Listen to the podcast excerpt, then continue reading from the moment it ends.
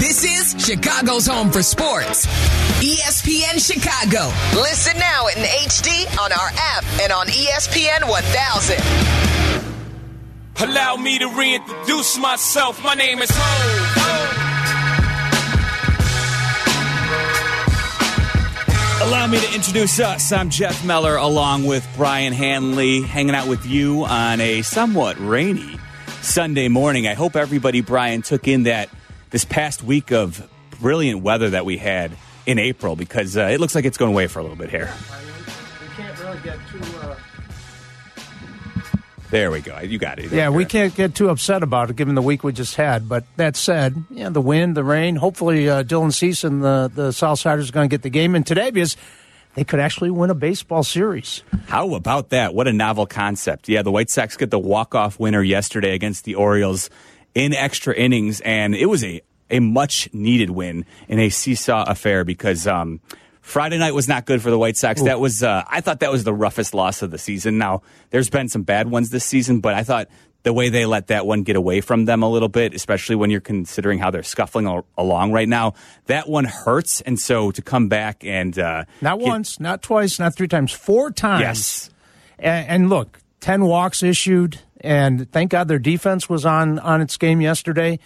But I, I, know uh, Rick Hahn is trying to dismiss any parallels being drawn from this start to last season's start, and injuries included. But guess what? There are paral- parallels to be drawn um, from last season to this season, and they needed that, and, and they celebrated it like it was a World Series win, and maybe for the psyche of the team, it, it was akin to that. Yeah, no, I think that's uh, like you said, much uh, much needed here, and we'll see if they can get this game in today because uh, it would definitely benefit them with Dylan Cease on the mound against Grayson Rodriguez. Uh, we will have your pregame coverage coming your way at twelve thirty. The events preceding that World Series type celebration.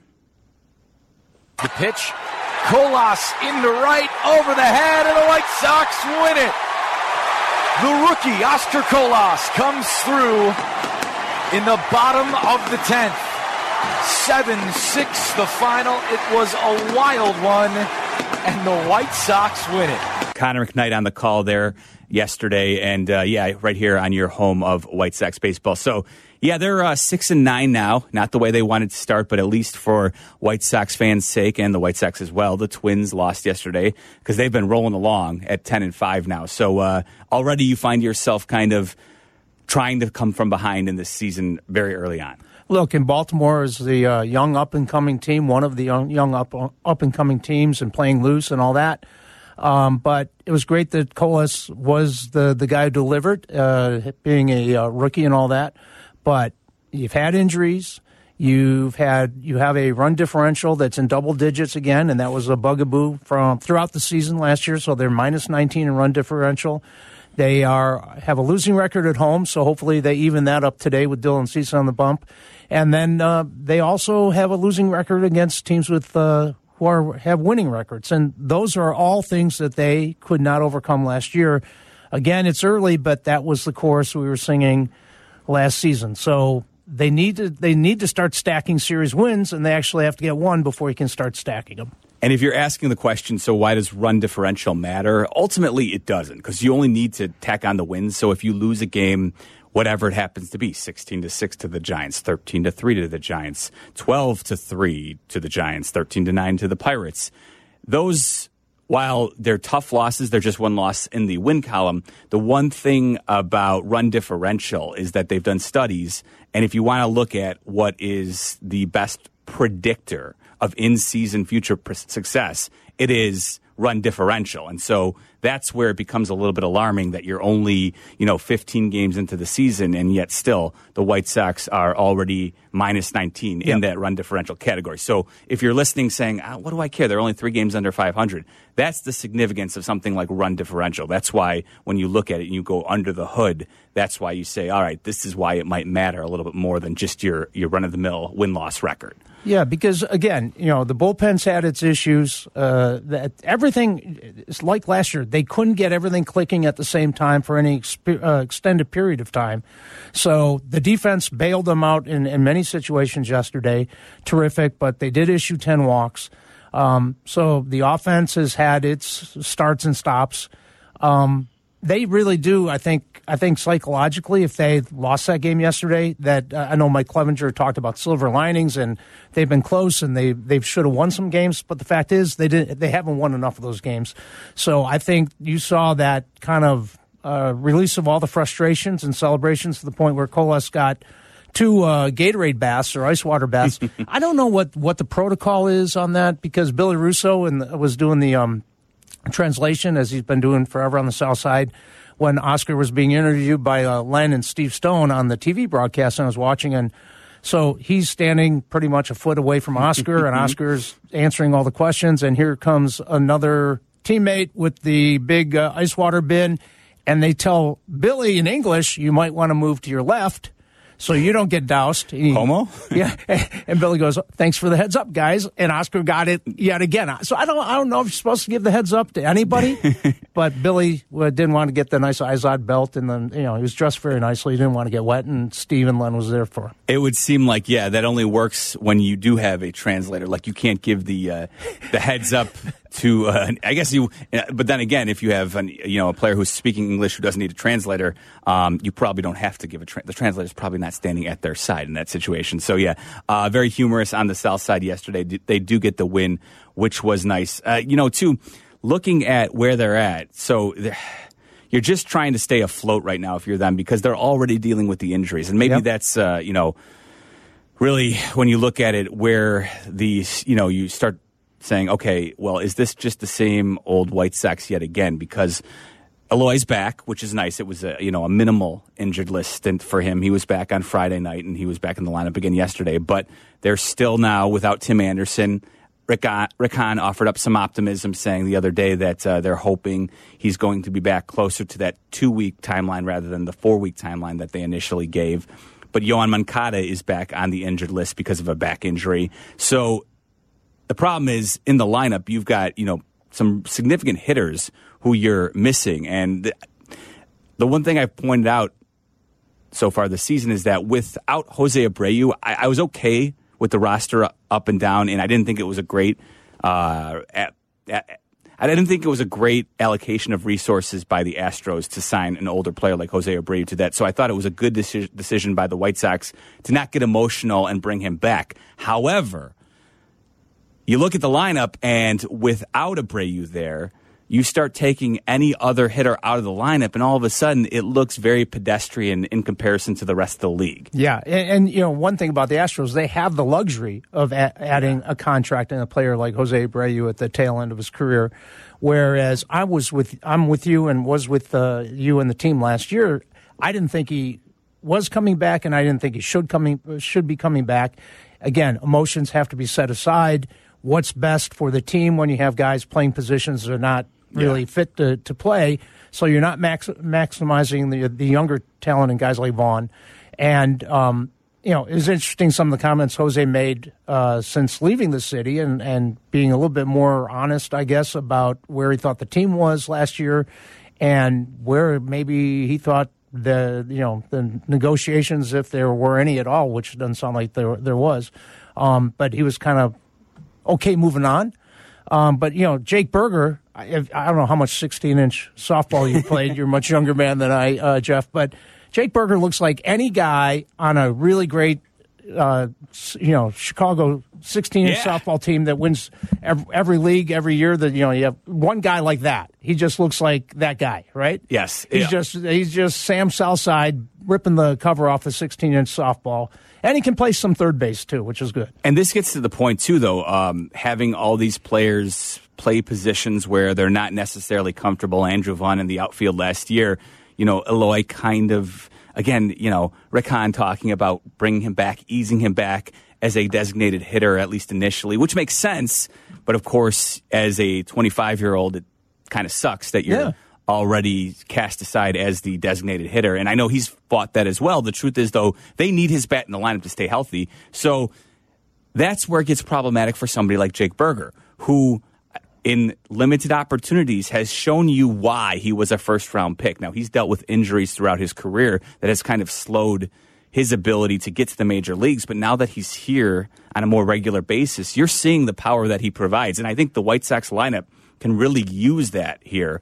But you know, he needs, you know, an injury by Yoan Moncada to, to find a way to sneak in there because of all these issues at first base, you know. Um, and then you go out and you spend a big chunk of cash on Andrew Benintendi, which is great. Yeah. It was a nice signing, but he is a gold glove left fielder. You saw that on Friday night, why he did that. But now you're taking away a spot where most teams hide their worst fielders. You're, you're, you, you, Benintendi needs to play there because that's where he excels. That's what you're paying some of his salary for.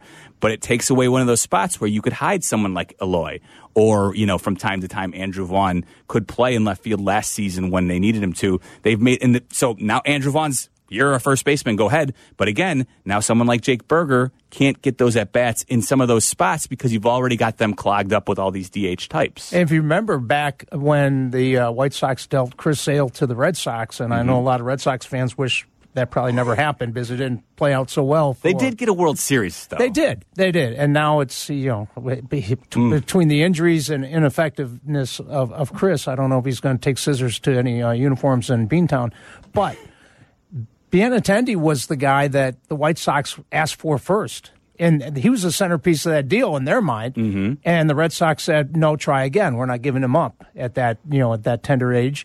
And so they ended up getting Yoan Moncada. Uh, and a lot of Sox fans are probably still wondering, you know, if that was the right guy to ask for because you see the talent and you see the possibilities and you see the flashes and you even see a season of it Yep. on occasion but you haven't seen the consistency uh, uh, certainly in that. But so eventually, Rick Hahn got his Benintendi uh, a couple teams removed from the initial Chris Sa- Sale trade. Yeah, and, and again, that's worked out so uh, so far so good. But that's where you know, I, I like I said, I'd really like to see more of Jake Burger, but he plays a serviceable third base, right? Yes, But he's yep. still obviously somebody who's going to be replaced defensively in the late innings. That was done on Friday night, uh, so they clearly don't want him, you know, manning the hot corner as often as you would, you know, an elite third baseman. So, but you got to find ways to get that bat into the lineup, especially if he keeps hitting home runs. So it'll be interesting to see how this plays out. Like I said, they've got a little bit of a reprieve right now because Moncada is on the injured list, but it's a and it's a back injury, so I don't want to get ahead of myself. But they're hoping that that's going to be just a short stay. They were actually reluctant to even put him on the injured list a few days ago. They were hoping they could avoid that stint. So you'd imagine he'll probably be back, you know, and the very the, the shorter end of that. So.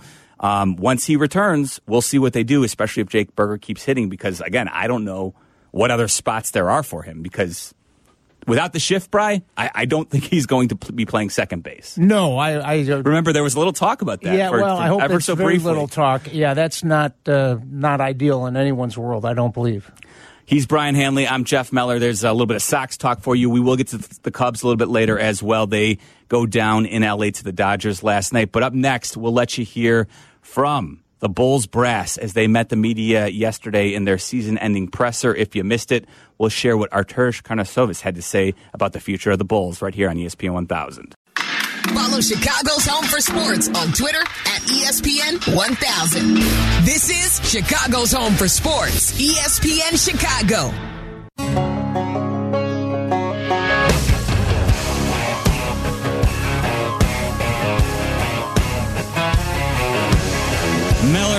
With you here on Sunday morning. We'll be here till 11 o'clock. Talking all Chicago sports with you here on ESPN 1000. Let's slip in a couple quick calls here before we share with you some Arturas Karnisovas. Uh, Frank driving around, wants to talk some White Sox. Frank, you're on ESPN 1000 with Meller and Hanley. What's going on, my friend? Morning, guys. How are you? Great show as usual. Ah, thank you, Frank. Couple, couple of comments. One of the things been bothering me for a whole week. Last week in Pittsburgh, they're going for the uh, series win, and he sits Robert because he needs a rest. What does a 24 year old kid with 10 games into the season need a rest for? Your best hitter. You got two guys on the disabled list already. He sits his best hitter in that game. That's one. Well, Number well two, Frank, Frank, at least got- Frank, at least they didn't lose that game one nothing. Oh wait, go ahead. you, you're right. Yeah, Frank. right. Yeah. Yeah, yeah. yeah. Point Another taken. thing, you just made a comment that uh, they took Burger off for defense. What? Alberto's the defensive replacement for Burger? Give me a break, will you please? you know what? You got to keep Burger's bat in the line because Yeah. how long do you think it's before Jimenez and Moncada go back on the disabled list. These guys, you know what? I grew up in baseball in the 50s and 60s. Those guys played.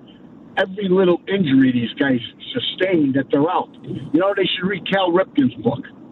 That's what they should read. Wow. The injuries that guy played with. Thanks for taking my Thanks, call, Frank. guys. Thank Thanks, you. Frank. Appreciate, the passion. Yeah, for Absolutely. sure. Um, yeah, and, and I do wonder. Listen, yesterday there was no defensive replacement for Jake Burger. Now it wasn't the same situation because the White Sox were not leading in that game, and I would say I think most managers would do what Pedro Grifol did on Friday night, and they're gonna with a three nothing lead, you're gonna probably bring in what whether or not you know. I, I don't know. I don't have enough of a body of work to really know Hanser Alberto as a third baseman, but. Jake Burger, I just know is not a great defensive player, so Right. it's not surprising that they would make that. But hey, I know Pedro didn't have the day that David Ross had. Let's leave it at that yesterday. Let's go to Owen in Willowbrook. Hey, Owen, what's going on? Hello, Owen. All right. Maybe lost Owen there. Um, Can you hear me? Oh, Yeah, we hey, got you, Owen, Owen. how are you? Beautiful. Oh, good.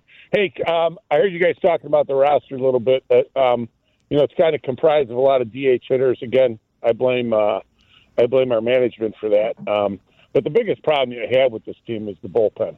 Three years ago, the strength was supposed to be the bullpen. Ever since then, they've gone downhill, and obviously we got Hendriks out and Crochet's been hurt. But for him to go out and get Diekman the other night, when you got a three nothing lead, that guy's like throwing gasoline on fire. I mean, he walks two guys. The guy's been a left-hander with seven different teams, and he go, that's our big move last year. And and you know what? This this team is so flawed that uh, there there's so many fixes. But and then and then I got to say, Grifol, it's early, but we have a three nothing lead, and we bring our our our part-time closer in in the seventh inning after Diekman starts, and we had the day off the day before.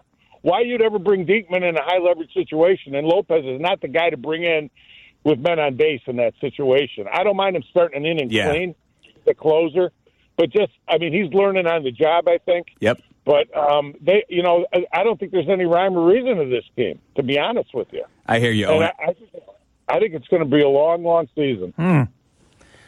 Early, uh, but there are some issues, and I, I- I found it curious, Jeff, uh, and appreciate the call. And that um, Pedro was asked about the walks yesterday, and, and you know they end up overcoming ten walks issued. He said, "Well, I'm not getting into that." What do you mean you're not getting into that? It basically said that's Ethan Katz and his coaching staff will deal with that directly with the pitchers, but you know, I, as a manager, I think it's a fair question as to you know what what what's going on. And with Kopech early, when there weren't when he wasn't walking guys, they were just barreling up on him. It was Yeah. like, well, maybe he's tipping his pitches, and so there have been issues not only with the uh, with the bullpen but with the rotation. It was interesting. Kopech had two pitches yesterday, right? And and he said, uh, you know, if he had a third pitch, he probably could have got through the sixth or seventh inning, but obviously he didn't you know, I still don't know what to make of Michael Kopech. And he was the guy for years who everyone was couldn't wait to see on the South Side.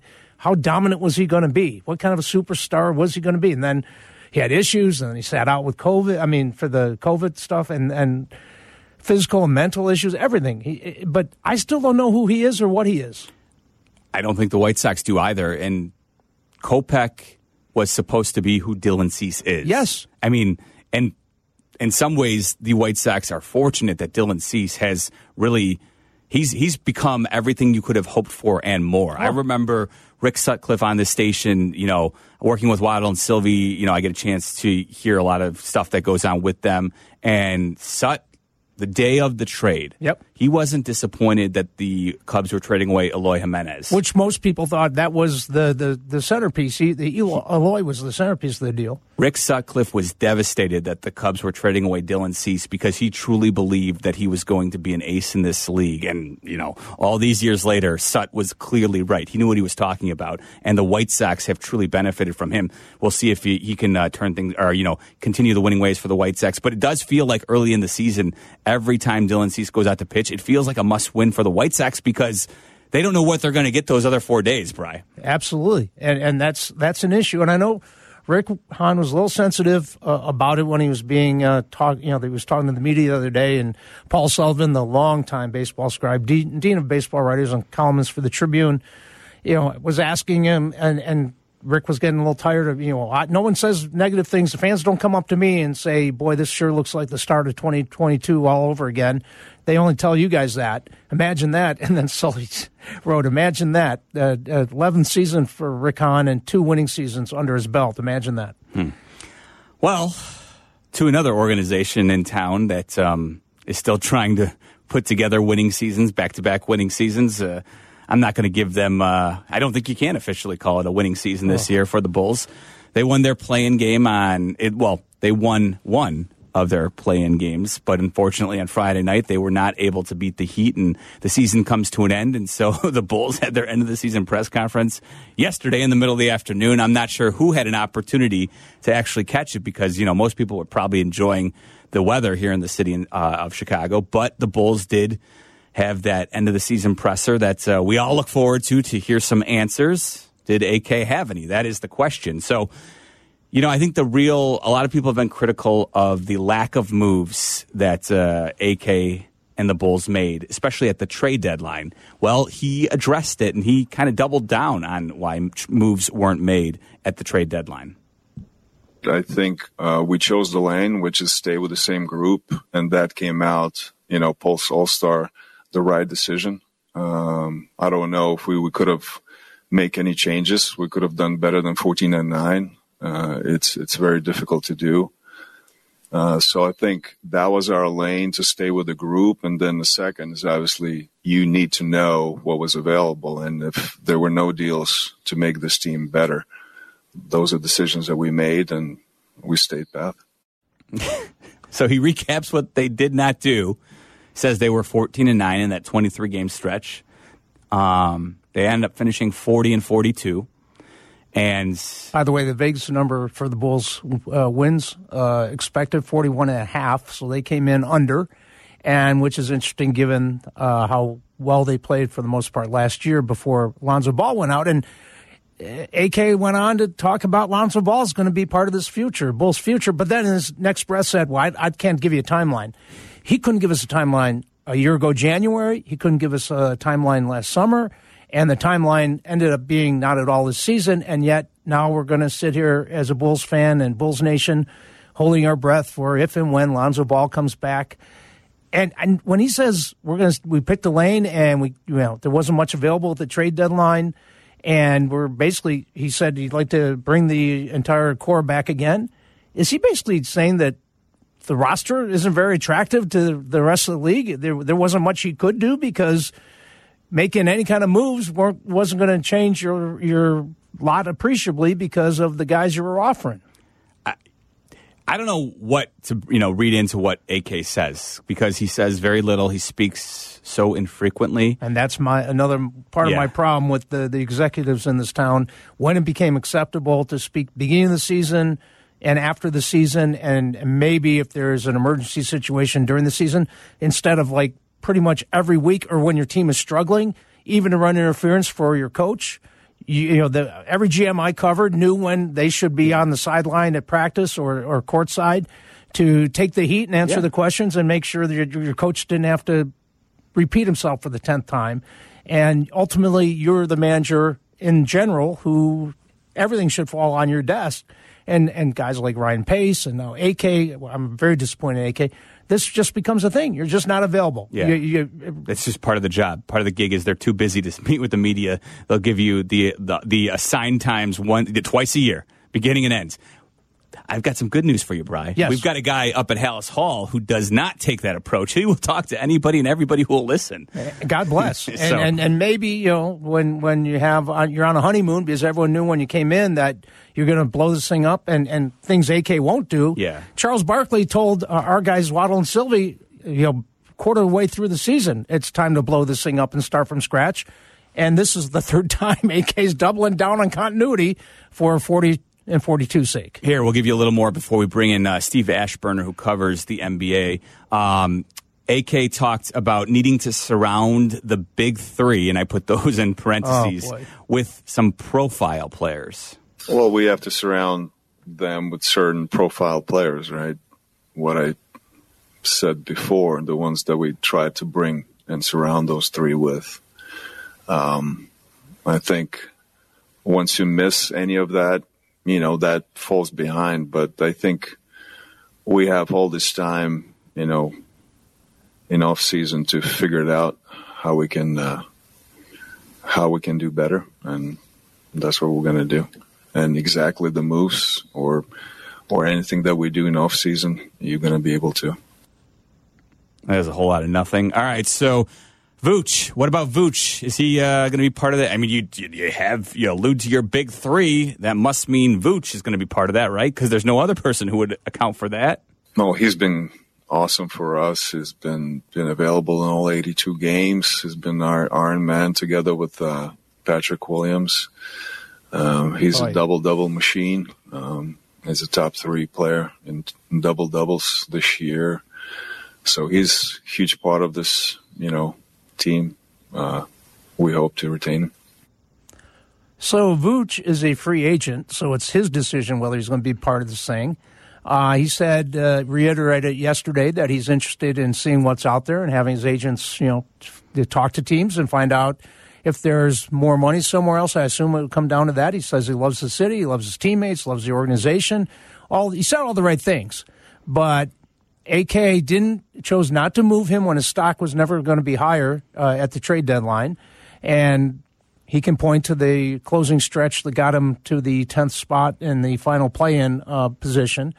But this big three profile players, I, I, does that mean he's going to start giving out money and, and end up in the luxury tax uh, neighborhood that the ownership doesn't really like to visit? And are is Michael Reinsdorf and Jerry Reinsdorf tired of, of not winning or competing or being relevant? It's 25 years, by the way, since the last trophy has been put in the uh, in the case at uh, in the the Bulls uh, you know, offices now in, uh, down at the United Center. Mm-hmm. Um, that's a long stretch of not being nearly relevant enough, and I, I don't. What he said, what moves we make in the off season? You know, he can't tell you right now. What moves can you make in the off season to change your lot appreciably? Great question, along with the other two that you just asked. Let's bring in Steve Aschburner, who writes for the NBA. We'll uh, talk with him next and ask him his opinion of where the Bulls go from here on ESPN 1000. Listen to us now, live on the ESPN Chicago app. This is Chicago's home for sports, ESPN Chicago.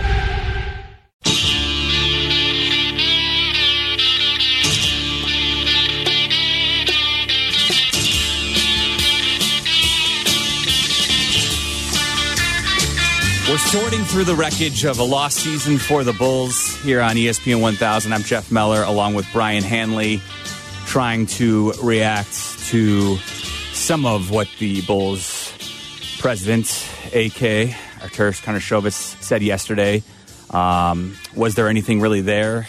He's he never really gives any definitive answers. He kind of, you know, you know, and, and obviously there's, you know, it's, it's it's not his first language, so I know he's he's guarded in what he says publicly. That's part of the so for a lot of people that's part of the job as well.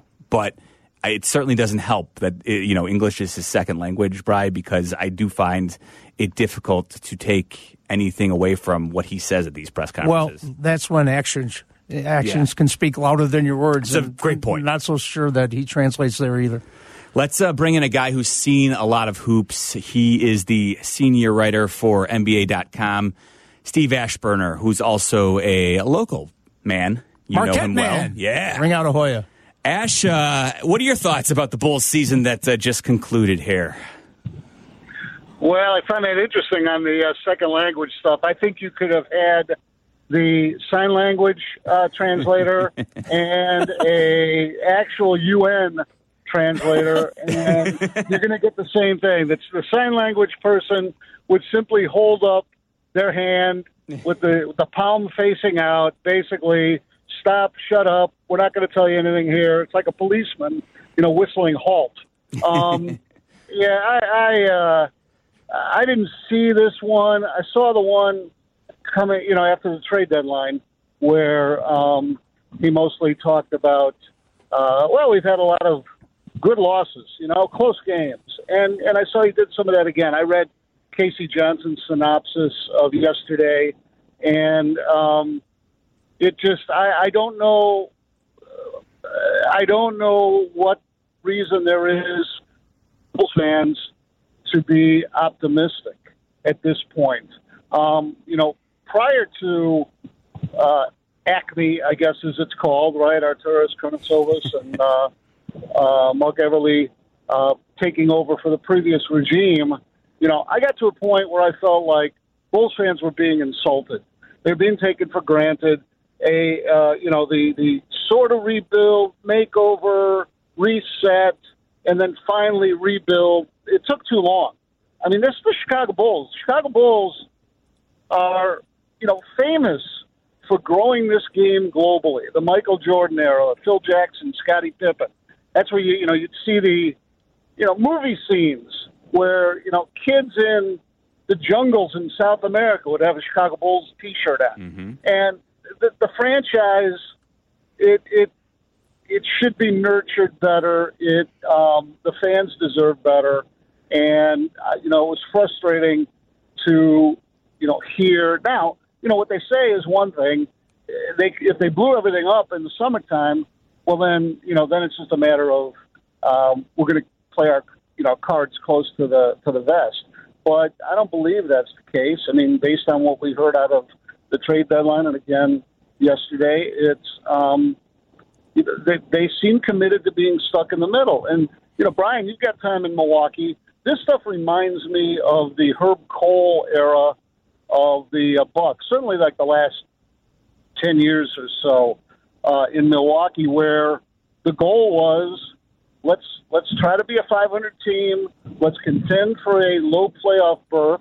There was no play-in tournament back then, and you know, be a be a family friendly product uh, without having to uh, dig deep into our pockets. And that's that's what I'm hearing now from the Bulls. How you take this roster and just tweak it and get anything that's going to look like a, a legit contender. Yeah, and it's interesting, Steve, because uh, Bulls fans do deserve better. But I, I had a friend who took um, his nephew, big Bulls fan, to the United Center uh, probably the maybe two weeks ago, uh, one of the last home games, and he spent like three hundred and fifty bucks a ticket. And I'm like, "Are you out of your mind?" And he said, "Well, the kid really wanted to go, and whatever." And he said the place was packed, and everyone seemingly was having a good time. Okay close losses and, and good good losses don't get it done for me. And it's been 25 years. You know, Pax, whether you like Pax before he became Garpax, I mean, he used to, when I was covering that team, would say that uh, we judge ourselves by winning championships around here. Well, the last one was in 1998. I don't know where you go. Right. This this has not been a free agent destination in forever. Um, so that's the only real route you're going to go, if you're doubling down and keeping continuity for yet yet again, and Vooch is coming back, even though he's a free agent, you know, you know AK expects him back. How do you make this team different and appreciably be appreciably better if the ownership doesn't even want to, you know, get a, above into the luxury tax uh, area either? Well, I mean that's the thing. You know, when when you say, I mean, there are three ways to to improve a team. You know, this is this is uh, standard operating procedure in the NBA. It's drafting, it's trading, and it's free agency. And you know, uh, drafting. I mean, they've they've gotten rid of draft assets. You know, because of the because of the trades they've made. And now, if trading, I'm not sure you can trade what you have for an impact player. I mean, you'd have to basically trade Zach LaVine um, and and try to break even on that, and maybe get a marginal increase uh, somehow, if, if depending on what the other team valued or was unloading. Um, so then it's free agency, and you know what what major free agent wants to come to? Now they should. You know, Chicago. I mean, the market, the um, the profile of the the franchise. It should be you know a destination market, um, but you know who's the free agent that's going to be coming there? I mean, I think well if they can land Giannis Antetokounmpo the next time he's uh, available, you know when he's free in between contracts. But I mean, other than that, I'm not sure you know who would be on the on the radar, who would be enough of a, a needle mover. And you know, you you, you look at a guy like Damian Lillard. He might be in play, you know, soon. But how do you get him from Portland? Portland's going, going to want, you know, Donovan Mitchell, Rudy Gobert, Kevin Durant type of return. And, you know, it doesn't look like the Bulls have that anymore.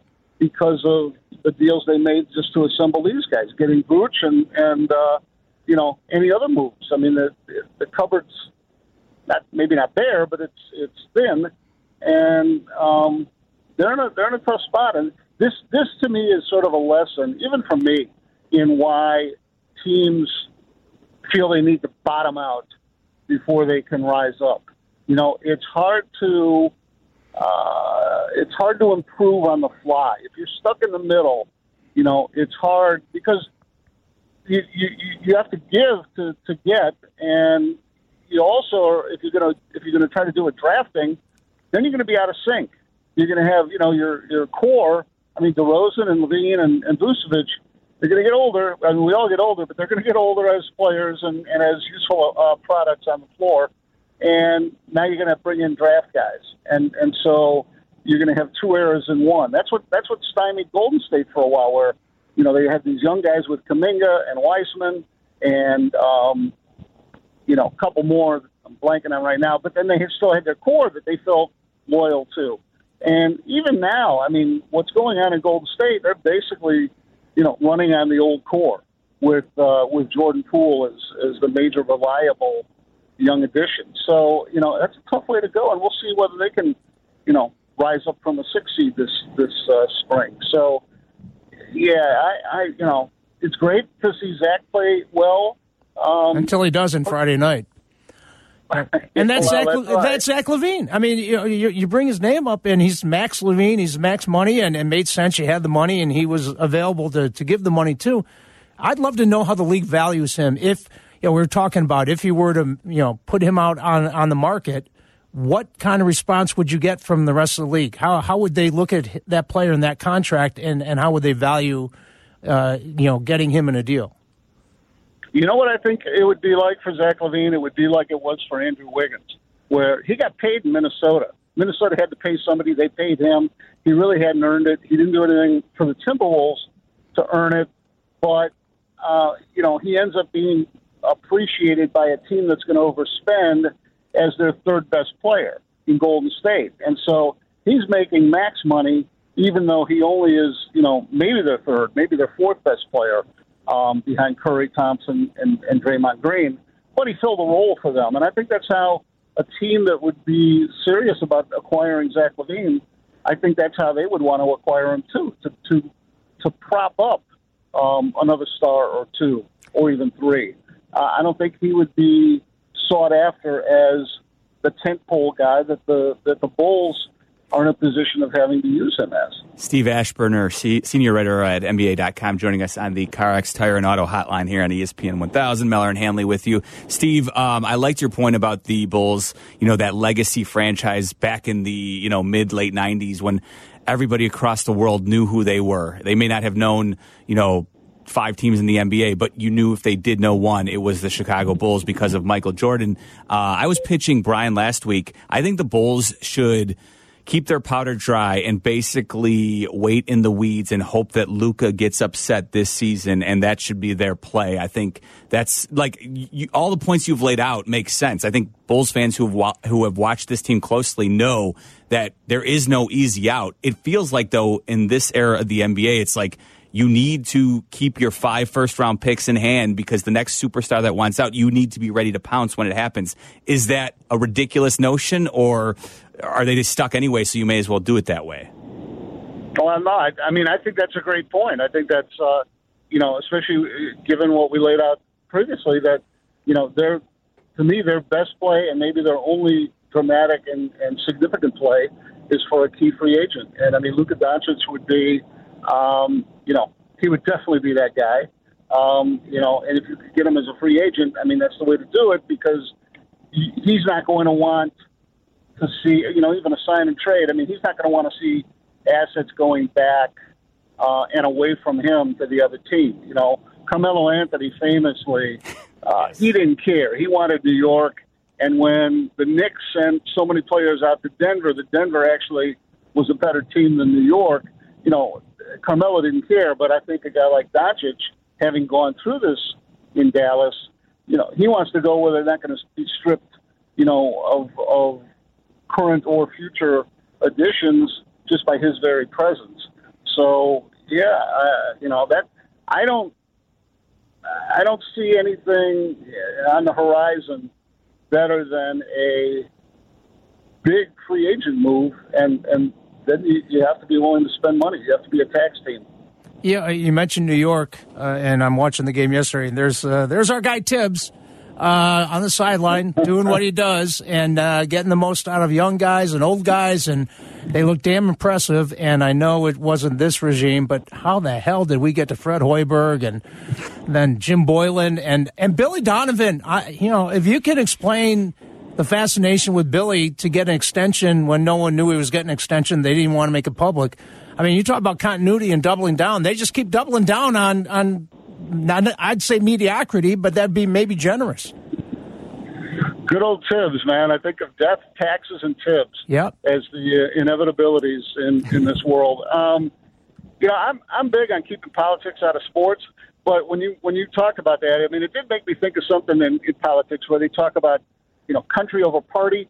This, this Bulls franchise has sort of flipped that, and they've been party over country, where the internal, you know, vibe and communication and um, general happiness of, of people involved that that seemed to me to take a uh, take precedent over having a maybe difficult coach in Tom Thibodeau, but a highly effective coach. And you know, I think that internally sometimes things have to be uncomfortable if you're going to be putting the best stuff out on the floor. So well said. Steve, uh, we appreciate you making time for us. Uh, we will be reading on NBA.com, and I'm sure we'll be uh, picking your brain. You're heading to well. Memphis, right? Uh, you, the Lakers got a sniff here. Yeah, I'm. Uh, I'm going to be in there. I. Uh, I've got to watch LeBron for a couple of games. I don't think I have to go to the West Coast, but I'll be in Memphis for uh, games one and two. I, I really uh, feel bad for the Grizzlies in that um, if they had Steven Adams and Brandon Clarke, you know, we would be able to see, you know, them take a step off last year's spring, and and and uh, you know they made it to the to the West semifinals. Um, I think LeBron and Anthony Davis and that group they caught a break, and I, I expect them to actually win the series as a seventh seed. All right, we'll be watching that as well, Steve. Great stuff. Thanks for hopping on with us today, man. You're welcome, guys. Thanks. Steve Aschburner of NBA.com joining us there on the CarX Tire and Auto Hotline. Meller and Hanley with you. We'll take your calls on the other side here on E ESPN 1000. This is Chicago's home for sports. ESPN Chicago. Listen now in HD on our app and on E ESPN 1000.